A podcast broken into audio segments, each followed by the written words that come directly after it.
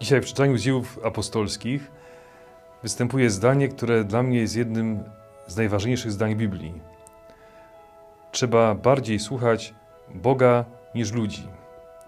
Tak powiedział Piotr arcykapłanowi, który zabronił mu przemawiać imię Jezusa. Moi drodzy, to zdanie jest kluczem. Przeżywaliśmy tydzień miłosierdzia. Znamy, może albo nie znamy, historię Heleny Kowalskiej, późniejszej siostry Faustyny. Helena próbowała wstąpić do różnych zgromadzeń zakonnych. Chodziła od furty klasztornej do furty i wszędzie drzwi się przed nią zaczaskiwały. Siostry widziały rachityczną, schorowaną, biedną kandydatkę i nie dawały jej szans. Nie wiązały z nią żadnej nadziei. I po kilkunastu takich porażkach wreszcie niezmordowana zastukała do furty przy ulicy Żytniej. Pewnie nie zdawała sobie sprawy do końca, jakie to zgromadzenie. Było to zgromadzenie, był to klasztor sióstr Matki Bożej Miłosierdzia. I miała szczęście, bo drzwi otworzyła pobożna, mądra zakonnica, matka Michaela Moraczewska. I co ona zrobiła? W przeciwieństwie do sióstr innych zgromadzeń, zapytana przez Faustynę, czy przyjmą ją do klasztoru, mówi: To nie ode mnie zależy. Musisz zapytać pana domu. Ciekawe, czy Helena Kowalska zorientowała się, o kogo chodzi. Matka Michaela wyjaśniła, że ma iść do kaplicy na pierwszym piętrze. Helena klęka przed Najświętszym Sakramentem i pyta: Panie domu tego, czy przyjmujesz mnie? I wtedy słyszy w sercu odpowiedź: Przyjmuję, jesteś w sercu moim. Wraca do siostry Michaeli. Ta pyta, jaka była odpowiedź. Jezus powiedział, że mnie przyjmuje, że jestem w jego sercu. Skoro on cię przyjął, to i ja cię przyjmuję. Boga trzeba słuchać bardziej niż ludzi. Matka Michaela poprosiła Faustynę, by zapytała Boga. Dzisiaj te siostry, które nie przyjęły Heleny Kowalskiej, pewnie mówiąc językiem kolokwialnym, plują sobie w brodę, bo gdyby miały siostrę Faustynę w swoich szeregach, miałyby obraz Jezusa Miłosiernego, miałyby koronkę, miałyby Światowe Sanktuarium Bożego Miłosierdzia u siebie i miałyby pewnie wiele powołań. Popatrzcie, siostry Matki Bożej Miłosierdzia w przeciwieństwie do wielu innych zgromadzeń zakonnych nie zmieniły habitów, przynajmniej welonów i tego kornetu, bo te siostry wyglądają tak jak Faustyna. Od razu są z nią kojarzone. Trzy tygodnie pobytu w zakonie, upragnione życie zakonne i nagle siostra Faustyna przeżywa porażkę, przeżywa rozczarowanie.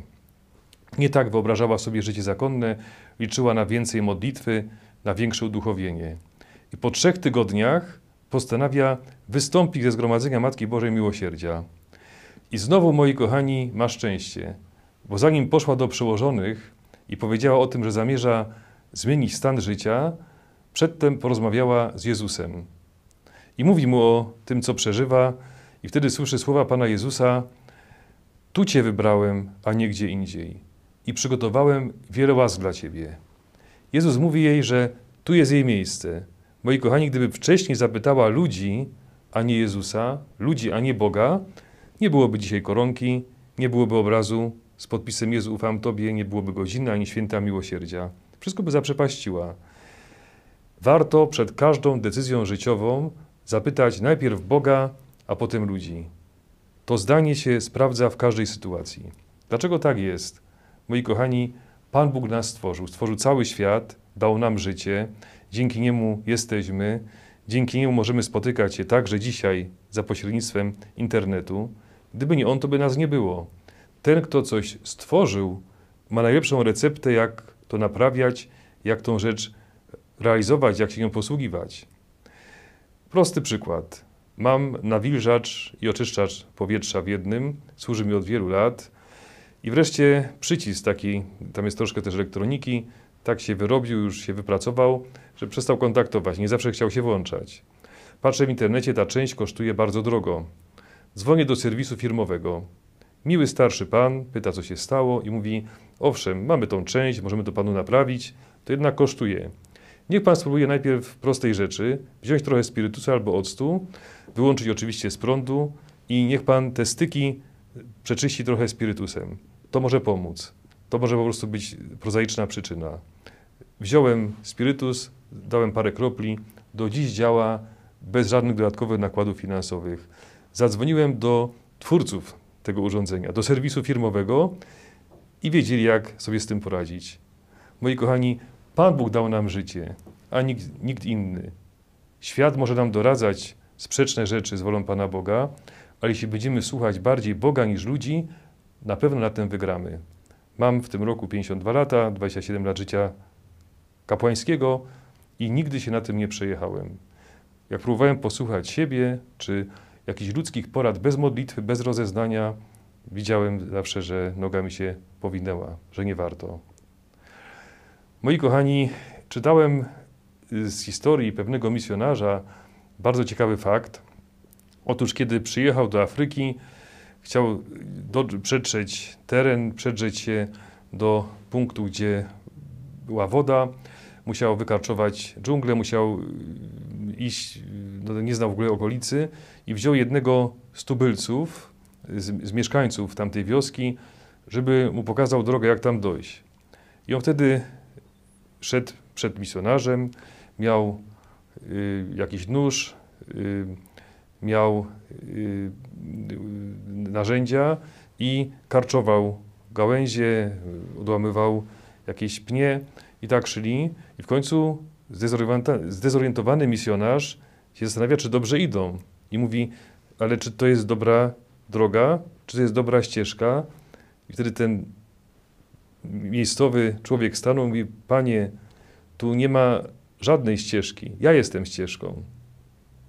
Okazało się, że on znał świetnie okolice i on był kluczem do drogi. Tam jeszcze drogi nie było, droga dopiero była wyznaczana. I to samo może powiedzieć Bóg każdemu z nas. W tym gąszczu, w tej plątaninie dróg w życiu, gdzie tak często nie wiadomo jak postąpić, gdzie nie widać drogi, Pan Bóg ci powie, tu nie ma żadnej drogi. Ja jestem drogą. Idź za mną. Boga trzeba słuchać bardziej niż ludzi. A co nowego na kanale do powiedzenia? Rozwija się bardzo dynamicznie. Jak na tego typu kanał, bardzo szybko. Księża dotarli do końca pierwszej tablicy z przykazaniami, są przy trzecim przykazaniu Bożym. Wydawało się, że będzie to bardzo proste rozważanie. Okazuje się, że jest bardzo intrygujące. Księża sami są zaskoczeni tym, do czego doszli.